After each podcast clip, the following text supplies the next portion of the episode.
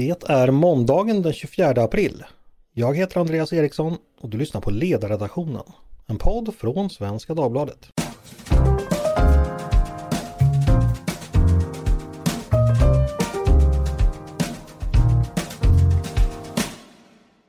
Varmt välkomna! Varje år delar staten ut över 20 miljarder kronor till civilsamhällets olika aktörer. Detta görs närmare bestämt av ungefär 40 olika statliga myndigheter samt i några fall av civilsamhällets egna organisationer, exempelvis Riksidrottsförbundet eller Folkbildningsrådet. Mycket pengar alltså, eh, så frågan är då vad får vi för de här pengarna? Förra veckan publicerade Riksrevisionen en granskning eh, av detta stöd. Rapporten den heter Tillit och kontroll, statlig bidragsgivning till civilsamhället och omfattar fyra myndigheter nämligen Jämställdhetsmyndigheten, Myndigheten för stöd till trossamfund, Myndigheten för ungdoms och civilsamhällesfrågor och Socialstyrelsen. De här fyra myndigheterna de svarade 2021 för drygt 1,4 miljarder av det statliga stödet till civilsamhället. Vad blev då resultatet av den här granskningen från Riksrevisionen? Varför bör den här typen av bidrag granskas? Och vad kan vi göra för att säkerställa så att alla de här miljarderna kommer till avsedd nytta? Det tänkte jag vi skulle prata om idag och med mig för att göra det har jag rapportförfattaren till nämnda rapport, nämligen revisionsdirektör Leif Svensson. Varmt välkommen hit Leif! Tack för det! Och så har jag med mig Magnus Ranstorp, eh, docent och forskningsledare vid Försvarshögskolan som eh, i många år diskuterat problem med just felaktiga eller tveksamma utbetalningar till civilsamhället, exempelvis till olika studieförbund. Magnus är också kolumnist på ledarsidan ska sägas. Varmt välkommen du också Magnus. Tack ska du ha. Eh, om vi börjar med själva den här granskningen jag nämnde Leif. Eh, hur kommer det sig att Riksrevisionen har gjort den? Vad, vad, vad är bakgrunden till granskningen? Ja, det här handlar ju om en, en omfattande och viktig verksamhet eh, där som du sa staten fördelar ju mycket pengar varje år, över 20 miljarder kronor. Och civilsamhället har ju också en, en viktig och central roll för demokratin och som en aktör inom välfärden. Och verksamheten ska motverka segregation, ensamhet och utsatthet. Och det är också väldigt många människor som är engagerade i eh, civilsamhället Eh, Eh, ja, över hälften av befolkningen beräknas varje år göra en insats inom ideell sektor. Så kan man väl också nämna det att det är ganska naturligt för ett, revisions, ett nationellt revisionsorgan att titta på statsbidrag av den här omfattningen och vi har ju vi har gjort en hel del granskningar på området, eh, till exempel då, eh, folkbildning och pandemistödet ganska nyligen och det är flera granskningar på gång, Allmänna arvsfonden och om lönebidrag och tanken är ju hela tiden att ha fokus på de här frågorna och kunna uttala sig lite mer generellt ibland, till exempel i vår årliga rapport och så. Mm. Så det är väl huvudsakligen bakgrunden. Hur kom det sig att ni valde just de här eh, fyra nämnda myndigheterna för, för att, eh, ja, som fokus för undersökningen? Ja, det är en bra fråga. Eh, vi väljer alltså ut fyra av 40 och deras sammanlagda bidragssumma är ungefär 1,4 som du sa miljarder utav eh, eh 20. Så hur ska man då välja? Alltså gemensamt för de här fyra det är ju att de alla fördelar statsbidrag med, med någon form av social inriktning till civilsamhället, så det är, det är vad som förenar dem. Men i övrigt så är det ganska stora skillnader eh, när det gäller deras allmänna förutsättningar och det mer konkreta eh, bidragsuppdraget.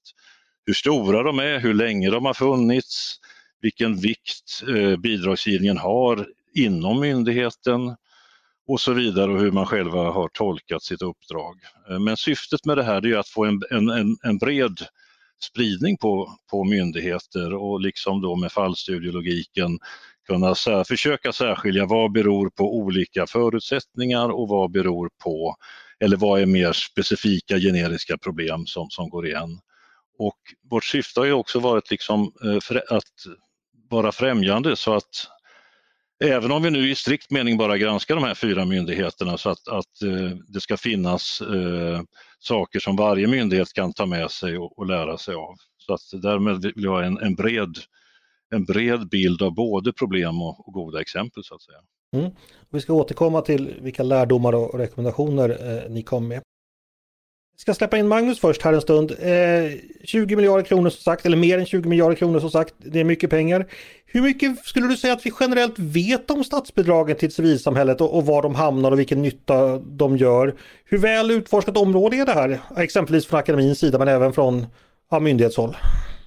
Ja, Eh, det är väldigt mycket pengar som eh, delas ut och eh, vad som har kanske varit förvånande för min del och varför vi har engagerat oss i detta är att vi har hittat antidemokratiska aktörer. Det handlar ju ofta om ideella föreningar som de finns inom och eh, generellt sett så är det här en problematik som har gått under radarn. Eh, det finns väldigt lite forskning om detta. Um, det finns en rapport som är värd att nämna. Det är från uh, Brottsförebyggande rådet. Uh, de har gjort en rapport som heter Välfärdsbrott mot kommuner och regioner. Fel och oegentligheter bland föreningar. Generellt sett har man ju studerat um, civilsamhället och föreningar och dess bidrag till det demokratiska samhället som är jätteviktigt. Um, har man gjort, inte från eh, ett ekonomiskt synvinkel utan snarare från ja, vad, vad, vad nyttiggör det att man träffas och, och diskuterar och eh, vilken roll har civilsamhället i olika sektorer? Um, vi uh, har inte studerat bidragssystemet, nu pratar jag om Försvarshögskolan, men vi har många gånger stött på organisationer som har sökt bidrag och uh, vi har sett att vissa av de aktörerna som vi har tittat på, bland annat den radikal islamistiska men också den radikal nationalistiska miljön, att de mjölkar systemet och att uh, det finns väldigt många många hål i, i uh, systemet och det beror delvis på att uh, det är så många bidragsgivande organisationer. Det är 40 myndigheter. Vi har 2019 exempelvis betalades 4,9 miljarder kronor ut från kommuner till ideella föreningar och stiftelser. 2,7 miljarder från regioner. Och gång på gång har inte bara vi sett men också Skatteverket, Bedrägericentrum på polisen NOA och så vidare har sett att det, de här pengarna, det är svårt att spåra dem men också att eh, det kanske ibland kommer till aktörer som är ja, organiserad brottslighet eller ja, våldsbejakande extremism och så vidare. Um, så att det, det, forskas väldigt lite om vad liksom, systemfelen, eh, det är egentligen bara BRÅ och Försvarshögskolan och säkerligen några andra studier som man kanske har missat. Eh, ja, nu nämnde du ju väldigt många av de här baksidorna, som, eller det, eventuella problem som kan dyka upp. Men, men som vi, du säger också så är ju naturligtvis civilsamhället någonting som bidrar väldigt mycket. Eh, Leif, kan du bara kort beröra det? Varför ger det allmänna så mycket pengar till civilsamhället? För det, det, finns ju uppenbarligen ett brett politiskt konsensus om att det här är någonting vi ska lägga gemensamma pengar på. Vad, vad säger politikerna? Var, varför vill de satsa på civilsamhället helt enkelt? Ja, det var ju lite grann som jag var inne på då eh, när jag pratade om motivet till det här så att säga. Att, att, eh, att man förväntar sig att civilsamhället ska ha en viktig roll för demokratin och som aktör inom välfärden och att man ska motverka segregation, ensamhet och utsatthet och att det verkligen då engagerar många människor.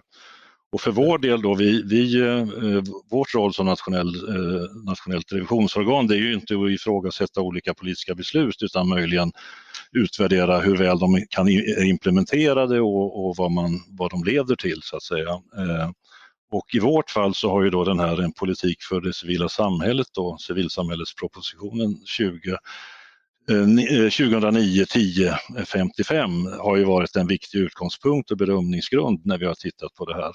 Och där lägger man då fast mål, villkor och principer för bidragsgivningen. Sen naturligtvis så har vi även andra då mer generella, generella utgångspunkter för vår bedömning som budgetlagen, förvaltningslagen och myndighetsförordningen och sådana här saker som vi då talar mer om dem, så att säga, hur, hur myndigheterna generellt ska bete sig. Men alltså det finns stora förväntningar på att civilsamhället ska spela den här viktiga rollen och då är det väldigt viktigt att pengarna går till det och inte till något annat. Det är ju så att säga en första förutsättning för att det här ska kunna fungera. Just det. Och då går vi in då tänker jag, hög tid att gå in på, på granskningen rent eh, konkret. Hur har ni arbetat? Kan du berätta lite om hur, hur man helt enkelt lägger upp ett så här omfattande granskning?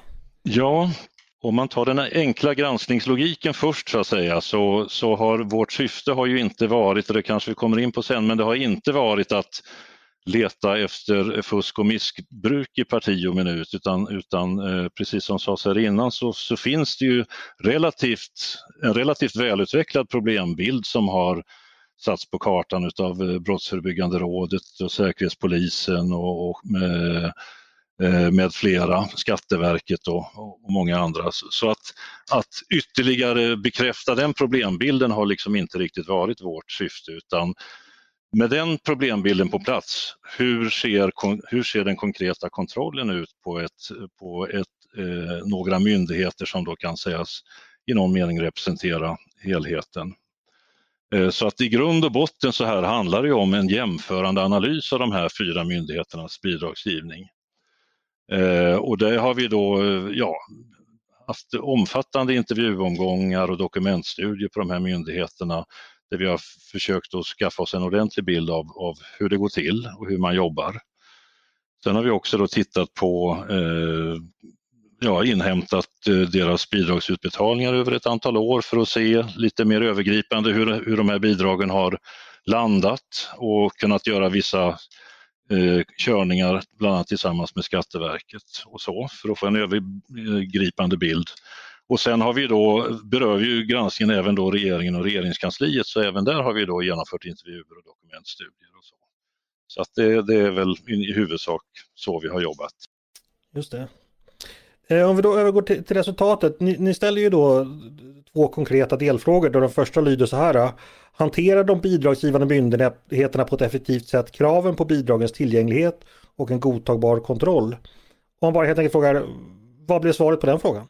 Ja, alltså jag skulle vilja svara så här då, att, att vår övergripande slutsats för hela granskningen är ju då att, att bidragsgivningen inte är tillräckligt effektiv och med effektiv menar vi då i det här sammanhanget att bidragen är tillgängliga för respektive målgrupp och att det samtidigt eh, att den bidragsgivande myndigheten på ett rimligt sätt kan säkerställa att bidragen endast går till organisationer och verksamheter som är berättigade till det.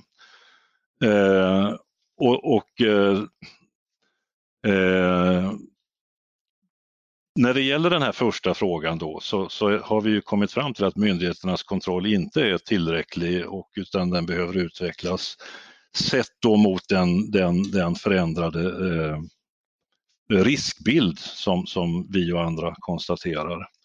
Och det är det ju så att, att eh, myndigheterna har rutiner och processer för en grundläggande kontroll, så är det. Eh, men till stor del så förlitar man sig på den information som de sökande själva lämnar. Och endast i begränsad omfattning så gör man, eh, kontrollerar man de faktiska omständigheterna. Och detta då samtidigt som det finns flera undersökningar som visar att, att det finns en ökande risk att den här tilliten eh, utnyttjas av oseriösa aktörer. Och det innebär att det finns en risk att skattemedel missbrukas och att angelägen verksamhet trängs undan. Uh, så vi, som vi ser det då så behöver myndigheterna arbeta mer riskbaserat och göra fler verksamhetsbesök och söka på internet och sådana här saker för att skaffa sig en, en mer eh, mångfacetterad bild utav de som söker bidrag och beviljas. Ja, Okej, eh, vi, ska, vi ska fortsätta eh, återkomma till vad som kan göras. Jag ska bara släppa in Magnus mm. här emellan. Eh, vad tänker du när du hör, ja du har ju också läst rapporten förstås. Ja.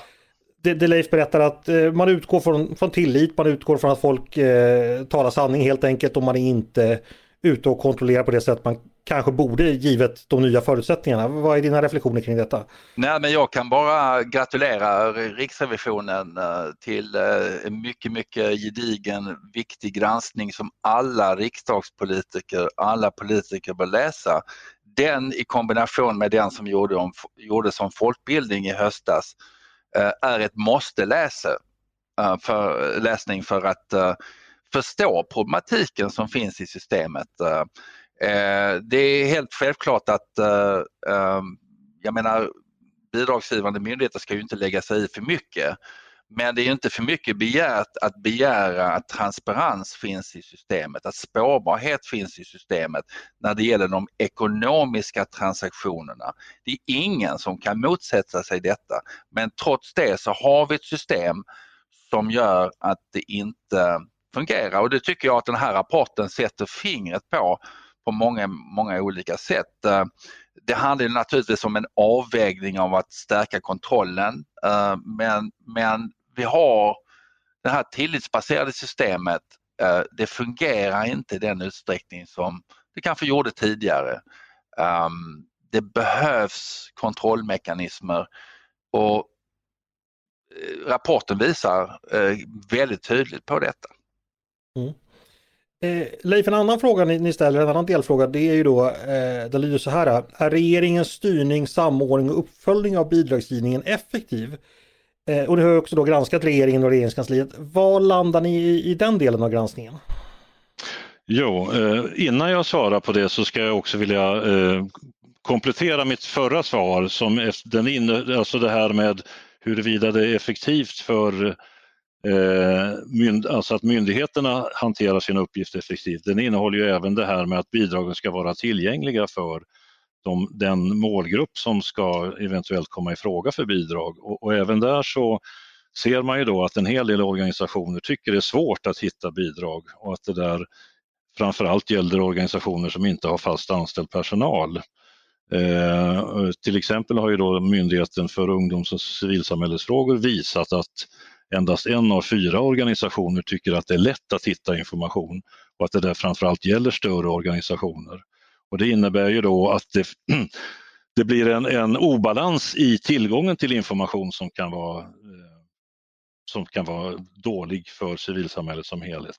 Jag glömde säga det när du frågade förra gången. Ja, när det gäller regeringen så så anser vi ju då att eh, alltså inte heller deras styrning och uppföljning har ju riktigt hängt med den här förändrade riskbilden utan här behöver man, man behöver eh, eh ge tydligare uppdrag och bättre stöd till myndigheterna eh, för att de ska kunna utföra sitt uppdrag.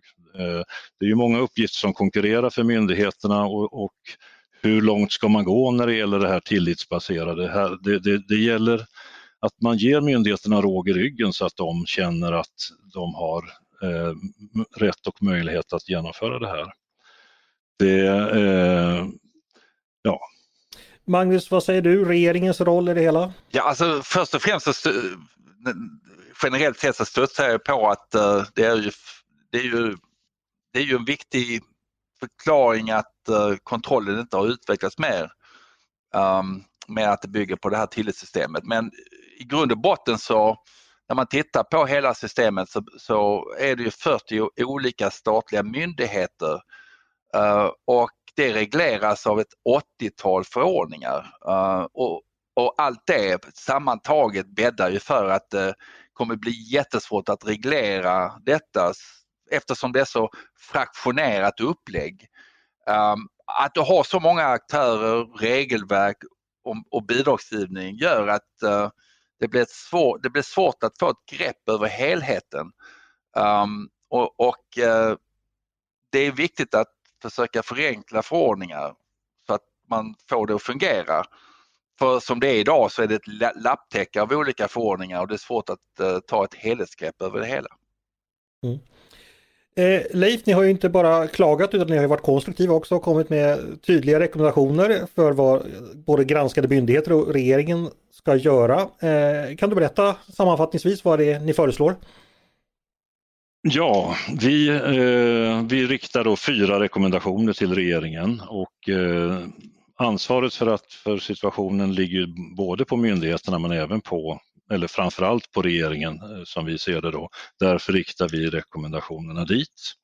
Och den viktigaste av våra rekommendationer det, det handlar om eh, att se till att det inrättas en central databas så att man får ett, ett, en överblick över alla dessa bidrag. Så att, så att alla statliga bidrag som går till civilsamhället framgår och att eh, man kan se hur mycket pengar vilka som har gått till olika organisationer. Det skulle då avsevärt öka möjligheten för myndigheterna att kontrollera hur bidragen går och att det inte sker någon otillåten eh, överkompensation eller, eller dubbelfinansiering. Sen har ju detta en, även en annan poäng, nämligen på så sätt att eh, civilsamhället skulle få en överblick över vilka bidrag som finns vilket ju inte riktigt är på plats idag så att det skulle även underlätta för organisationerna att, att se vad man kan söka och vad som gäller för de bidragen. Så, så att det, transparensen där, det, det, tycker vi är det viktigaste. Jag tyckte det var lite märkligt. Jag studsade faktiskt till när jag läste att det inte fanns än. Alltså jag, jag, ja. jag trodde det var någonting som, ja, det är en väldigt lågt hängande frukt låter det som. Så är det och eh, det kände vi väl också. Detta är ju inget förslag som, som kommer från oss från allra första början utan jag tror Statskontoret kanske var de första som föreslog detta och det har föreslagits även från Brå tror jag. Men det har inte hänt någonting och eh, de signaler vi har fått från regeringskansliet indikerade inte att det var något som man låg i startgroparna med. Så, så det här håller vi fram då som den första och viktigaste eh, rekommendationen. Sen har vi en, vår andra rekommendation eh, handlar ju också då om, eh, eller det handlar om att eh, se till att stödfunktioner med särskild kompetens inrättas.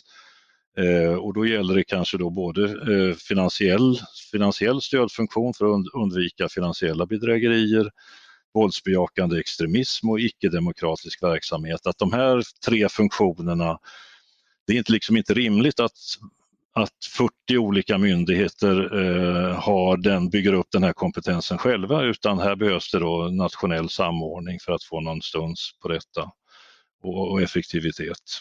Så att eh, de två rekommendationerna eh, riktar sig då till, till regeringen och vad de bör göra gentemot civilsamhället. Sen har vi två andra rekommendationer om jag får ta dem direkt också då, och det är ju det här att, att ge myndigheterna uppdrag att stärka sin kontroll. Eh, vi vet ju det att, att, när regeringen sätter fokus på en fråga genom uppdrag och, och, kanske särskilda resurser så händer det någonting. Och här har vi ju då också sett, konkret sett i vår granskning hur MUCF som har fått, ett sådant, eller fått flera sådana uppdrag och, och ex, lite extra medel också då har fått fart på sin eh, kontrollverksamhet under senare år, vilket är väldigt positivt. Och den eh, sista rekommendationen handlar då om att myndigheterna också bör ha ett uppdrag att förbättra organisationernas möjligheter att leva upp till de här kraven. Så vår utgångspunkt är att de allra flesta organisationerna vill göra rätt och göra rätt för sig. Men ibland så kan det handla om eh, bristande kunskap och så vidare. Eh, och då i sann folkbildningsanda skulle då myndigheterna kunna tillhandahålla exempelvis webbaserade utbildningar om, ja, vad är det för krav som ställs på lekmannarevisorer, vad innebär det att ha en god ekonomisk ordning och vad det nu är som man behöver för att man ska kunna följa, eh, följa de krav som finns. Mm. Då har vi då fyra förslag, alltså ett centralt register, att man, det sker någon form av eh, nationell samordning kring kunskap och kompetens här. Eh, att myndigheter stärker kontrollen och att man, man erbjuder också någon form av utbildning. Magnus, allt det här låter ju väldigt klokt och ja, ganska självklara åtgärder egentligen. Eh, vad, vad, tänker du om dem? Nej men det, det kanske är självklart men eh, att det, faktumet att, att det inte har skett tidigare det ligger ju varken på Riksrevisionen eller på någon annan. Det handlar om politiken. Eh, och eh, det är viktigt att det finns en politisk styrning på det här. Ehm, det har varit för lite politiskt tryck att myndigheter verkligen tar itu med detta trots Riksrevisionens alla rapporter. Ehm, och eh, politiken måste säga till att detta måste finnas på plats. Ehm, ofta när jag har själv granskat de här frågeställningarna så har det har svaret ofta blivit från talarstolen i riksdagen och så vidare från ansvariga myndighetsföreträdare för de här olika myndigheterna att det blir väldigt svepande uttalande från politiken. Um, och för att verkligen komma till rätta med detta så måste vi ha ett helhetsgrepp. De här riksrevisionsrapporter och så vidare, det är viktiga element i att få komma till rätta med detta. Men problemet är att ofta har vi inte verktygen och myndigheterna har kanske inte heller kompetensen. Och jag vill bara tillägga en sak på den här med centrala databasen, vilket jag tycker är jätteviktigt att vi har en, ett samlat grepp om vem, vilka statsbidrag går till olika aktörer i civilsamhället. Men samtidigt är det jätteviktigt också som ett komplement att varje myndighet måste avsätta resurser med rätt kompetens att följa upp och det är där ofta det saknas inom myndigheterna. Jag studsade exempelvis på vissa av de här myndigheterna som granskades så uh, gjorde man uh, inga egna sökningar på exempelvis oegentligheter. Uh, det fanns inga verktyg att kontrollera, man sökte inte efter eventuella oegentligheter i, i, i det här och det talar ju för, man kan ju tänka idag 40 myndigheter som har olika nivåer av problem. Um, det uh, behöver liksom en helhetssyn och helhetsgranskning av hela systemet ehm, om hur vi ska komma till rätta med detta så att inte så att vi får eh, en, eh, ett effektivt bidragsgivande till civilsamhället och att vi har en adekvat uppföljning eh, av vad bidragen går till, vem de går till och vad vi får för skattemedel. Magnus, du beskriver ju här då att en polis, om jag tolkar det rätt, en politisk passivitet och att man är alldeles för sent ut där. Har du själv funderat på vad, vad den beror på? Är det ointresse eller okunskap eller vad, vad, vad, Ja, alltså jag har ju framförallt eh, granskat Folkbildningsrådet och så vidare och där, tyvärr är det som så att eh, alla politiska partier har ju sitt finger i syltburken. Eh, det, mm. det, gör, det försvårar ju processen att komma till rätta med den problematiken. Allt jag har pekat på i mina egna granskningar och debattartiklar och så vidare har ju varit att skapa en transparens i systemet. Att vi har en spårbarhet i systemet att skattemedel som går ner. Uh, och, um, så jag, jag, jag, tror också att, uh, att uh, det, det, det, är svårt liksom att få igång systemet på detta. Man, man, man, måste rikta in man måste rikta in myndigheterna till att, att det blir verkstad. Och sen kan ju då en cynisk poddredaktör också tänka att alla politiker har ju varit ungdomspolitiker en gång i tiden och ägnat sig åt att söka bidrag. Och hur de bidragen har kommit till och sånt där har det ju rapporterats om i media ofta tidigare. Så det kan ju vara det att alla Sveriges politiker en gång har varit verksamma inom någon form av bidragsvindel, vad vet jag? Kan, kan jag bara lägga till en sak här? Uh, och, ja. och, och vi, nu pratar vi om, om statsbidrag och granskning från myndigheter och så vidare.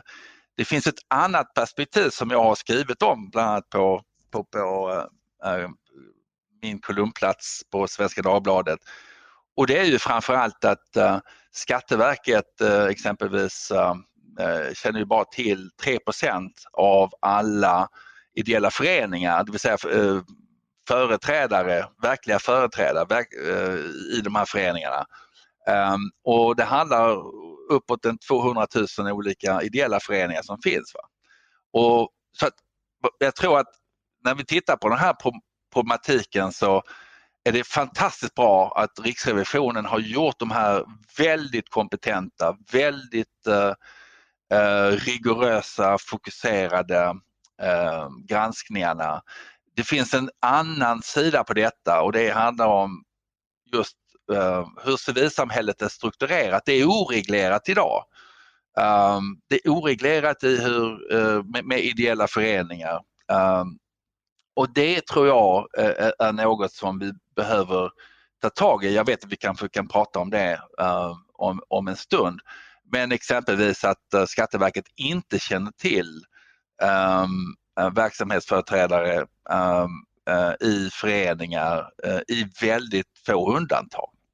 Leif, en fråga till dig. Eh, som vi redan varit inne på så finns det ju så att säga en trade-off mellan kontroll och uppföljning och också något så att säga att det ska vara möjligt för alla och att kunna söka de här bidragen så att säga. Hur har, eh, upplevde du någonstans när ni gjorde den här granskningen, vad har man landat rätt där? För risken, jag, jag, tänker då att blir det för mycket kontroll och för mycket byråkrati kring det hela, då kommer många helt enkelt inte söka, då kommer det vara för höga hinder. Var någonstans, vad tänker du kring det? De förslag som vi riktar nu då, de, som vi bedömer det ska inte innebära någon, eh, någon, någon ökad börda för civilsamhället utan det handlar ju mer om att myndigheterna gör mer saker, att de bedriver en mer riskbaserad kontroll, att de ger sig ut och gör verksamhetsbesök, de söker på internet, de får ökade förutsättningar genom en, en sån här databas, det blir en nationell kompetens på vissa områden. Allt det här eh, handlar om att få till en, en, en, effektiv och skarp kontroll av att pengarna går dit de verkligen ska. Och eh, det bör ju inte, som vi ser det, alls Eh, belasta civilsamhället. Tvärtom så ökar det ju förutsättningarna för att de oseriösa aktörerna försvinner därifrån och de seriösa får en större del utav kakan då så att säga. Mm. Så eh, jag menar, för det är inte tanken att vi ska belasta med ännu mer dokument som ska skickas in, dokument som ju ibland har ett ganska tveksamt värde på grund av att man vet inte vem som har skickat in dem. eller hur, hur den personens eh, beroende är till andra i organisationen. Eller, ja, det går ju alltid att fabricera dokument så att de har ett begränsat värde. Mm. Eh, en avslutande fråga Leif om din granskning. Eh, var det någonting som överraskade dig under arbetets gång där du liksom fick en åh fan känsla liksom att... Jag har hållit på med revision i ganska många år inom staten så att det, det är rätt så sällan som, som jag blir genuint förvånad. Eh, men det är väldigt mycket intressant som man studerar eller kommer fram och ser och en sån sak i det här fallet, och det har vi varit inne lite grann på, Eh, det är ju möjligen då att, att det är så fragmentiserat att det är ett sånt omfattande regelverk som ju gör att det är väldigt svårt. Ja, att det, det är dåligt synkroniserat och, och, även där har ju då regeringen och regeringskansliet en, en uppgift att liksom försöka ensa den här bidragsfloran och, och få, få till någon rimlighet. Det var det ena då och det andra Eh, det handlar ju om liksom vad ligger i rollen som bidragsgivande myndighet. Det är någonting vi har funderat en hel del i, i, i den arbetsgrupp där, vi har, där jag har varit nu. Då. Och, eh, hur förhåller sig det här till en tillsynsuppgift till exempel och så vidare. Jag menar att, att det här bidragsgivande uppdraget kan se så olika ut när det gäller förutsättningar och, och eh, vilka, ja, hur, eh, hur, man tolkar det eh, och att det är så pass mycket oklarheter, det förvånar mig nog ändå lite grann och där ser man ett utvecklingsbehov att det här bör, bör nog eh, föras diskussioner kring och att man landar lite grann. Vad, vad ligger i rollen, vad ligger inte i rollen? Mm. Samma fråga till dig du Magnus. Eh, du säger ju att du har fått mycket av din tidigare bild bekräftad kanske, men var det någonting som du hoppade till på när du läste rapporten? Nej men det var ju framförallt att eh, det var vad som egentligen krävs är ju oannonserade liksom, besök, eh, eh, verksamhetsbesök och, och, att inte det görs på vissa myndigheter. Nu var det här fyra myndigheter av 40 så man kan ju tänka sig också hur hur eh, brett eh, detta är på totalen och det är det jag menar är det är ingen, det är ingen skugga ska falla på Riksrevisionen för ni har ju era avgränsningar. Men det i kombination med att Riksrevisionens rapport om studieförbunden exempelvis synliggjorde att 44 procent i deras stickprovskontroller eh, hade inte verifikat eller kostnadsunderlag för utbetalningar visar ju på skalan av hur bidrag kan missbrukas. Eh, det görs väldigt mycket bra saker inom civilsamhället, eh, mycket går till rätta saker. Men att det inte finns de här eh, kontrollerna, ehm, det är ju jag, jag, jag, vill bara tacka Riksrevisionen för att ni har lyft det här för att det, det är verkligen högkvalitativa um, rapporter som alla egentligen borde läsa. Vi vi har ju sett i våra egna granskningar um, och varför vi har tagit upp de här frågorna har ju varit när vi lyfter stenarna i relation till ideella föreningar, det vill säga längst ut i linan, de som får och söker de här bidragen, så vet vi att de har professionella bidragsansökningar. Man bidragsshoppar runt eh, i systemet. Eh, man ser, eh, Eh, man söker, man vet eh, att man kan plocka eh, pengar och att det finns väldigt lite kontrollmekanismer. Det finns lite revision och det finns nästan ingen uppföljning. Och vad jag studsar på generellt sett är att om hela civilsamhället ska gå, och nu, är, nu jag har lite mer frihet att kunna vara, dra ut svängarna här, men om hela civilsamhället, om hela uh, Sveriges civilsamhälle um, ska gå på liksom konstgjord andning om du inte får statliga bidrag eller kommunala regionala bidrag då kan du inte existera, så funkar det inte i de flesta andra länder. Och om det ska vara så, så bör vi också fundera på som man gör i Tyskland, som man gör i andra länder, vad får vi för pengarna? Jag, jag vet att eh, det kan vara en jobbig fråga, men utvärdering av projekten och så vidare på en adekvat eh, nivå är det minsta man kan begära om man ska pumpa ut skattemedel. För det här är en öppen kran och det är jätteviktigt att de här granskningarna har gjorts. Men Magnus, eh, du målar upp en ja, potentiellt ganska mörk bild här. Nu har vi ändå sett den här rapporten och så har vi lite förslag från, från Riksrevisionen som vi naturligtvis inte vet om de kommer genomföras. Det var ju uppenbarligen ingenting som var på gång med ett centralt register i alla fall. Vad säger du, hur långt skulle de här rekommendationerna räcka eller hur mycket mer i form av åtgärder behövs det för att få ordning på det här skulle du säga? Det beror på vilken sektor och vilken myndighet man pratar om. Men först och främst, jag hade sagt att uh, dels tycker jag att vi ska ha, alltså politiker, riksdagspolitiker bör ta ett helhetsgrepp. Riksrevisionens rapporter har varit extremt viktiga och jag tror till och med att man skulle kunna ge Riksrevisionen eller Riksrevisionen själva skulle kunna göra en, en uh, en helhetsanalys över hela bidragssystemet. Inte för att skapa mer kontrollmekanismer men för att identifiera olika luckor. Vi har, vi har kanske gjort det tidigare. Det handlar ofta om att skapa eh, transparens, transparens, transparens, spårbarhet i systemet. Um, ehm, och det beror på, pratar man om folkbildning så handlar det om, om att man minskar utbetalningar för det är ju där fusket ligger. Eh, att man anställer personer inom myndigheter och så vidare som gör uppföljningar och kontroller. Ehm, Skatteverket har ju också ehm, pushat för olika regelverksförändringar. Eh, och det jag talade om tidigare om att man inte vet vem som är företrädare för olika ideella föreningar är ju helt avgörande för om vi ska betala ut pengar till föreningar och om vi ehm, eh, ska kunna återkräva Eh, bidrag eller om vi ska tillämpa demokrativillkor. Det vill säga Skatteverket vill att man ska införa ett företrädarregister för de ideella föreningar som eh, uppbär ehm, eh, offentliga bidrag. Eh, och att man också har ett samlat register om bidragsutbetalningar och de återkrav som finns. Um, och att man har och att man utvidgar bidragsbrottslagen och lagen om underrättelseskyldighet till att omfatta alla utbetalande aktörer inom offentlig sektor. Det vill säga sekretessbrytande regler för att, för att eh, få nödvändig information. Men det, men det mm. åligger framförallt varje myndighet till att ha adekvata resurser, tillsätta adekvata resurser uppföljning och så vidare. Jag har själv tittat exempelvis på eh, det var ju omfattande bidrag från, från eh, Skolverket när det gäller läxhjälp.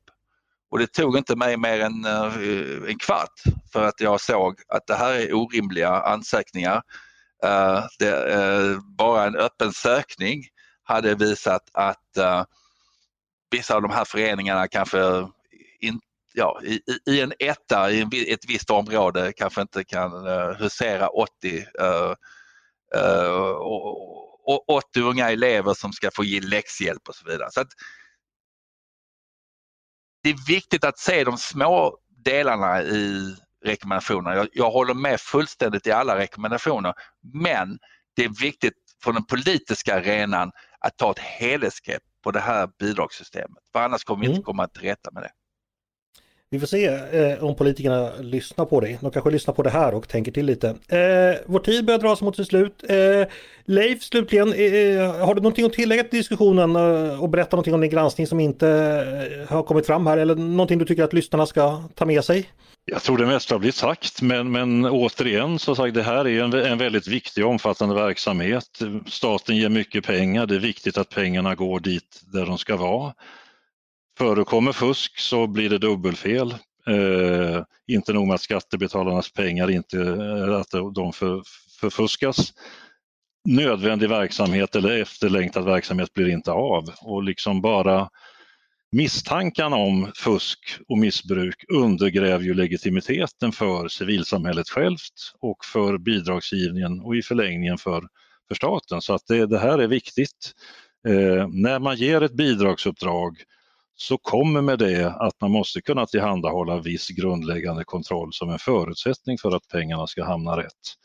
Och då kanske det inte håller att dela ut det här på allt för många händer utan man bör nog tänka till i förväg så att inte den här floran blir för vildvuxen. Mm. Det är väl ungefär så. Stort tack för det. Eh, Magnus, du då, har du någon sista uppmaning till, till lyssnarna vad de bör tänka på?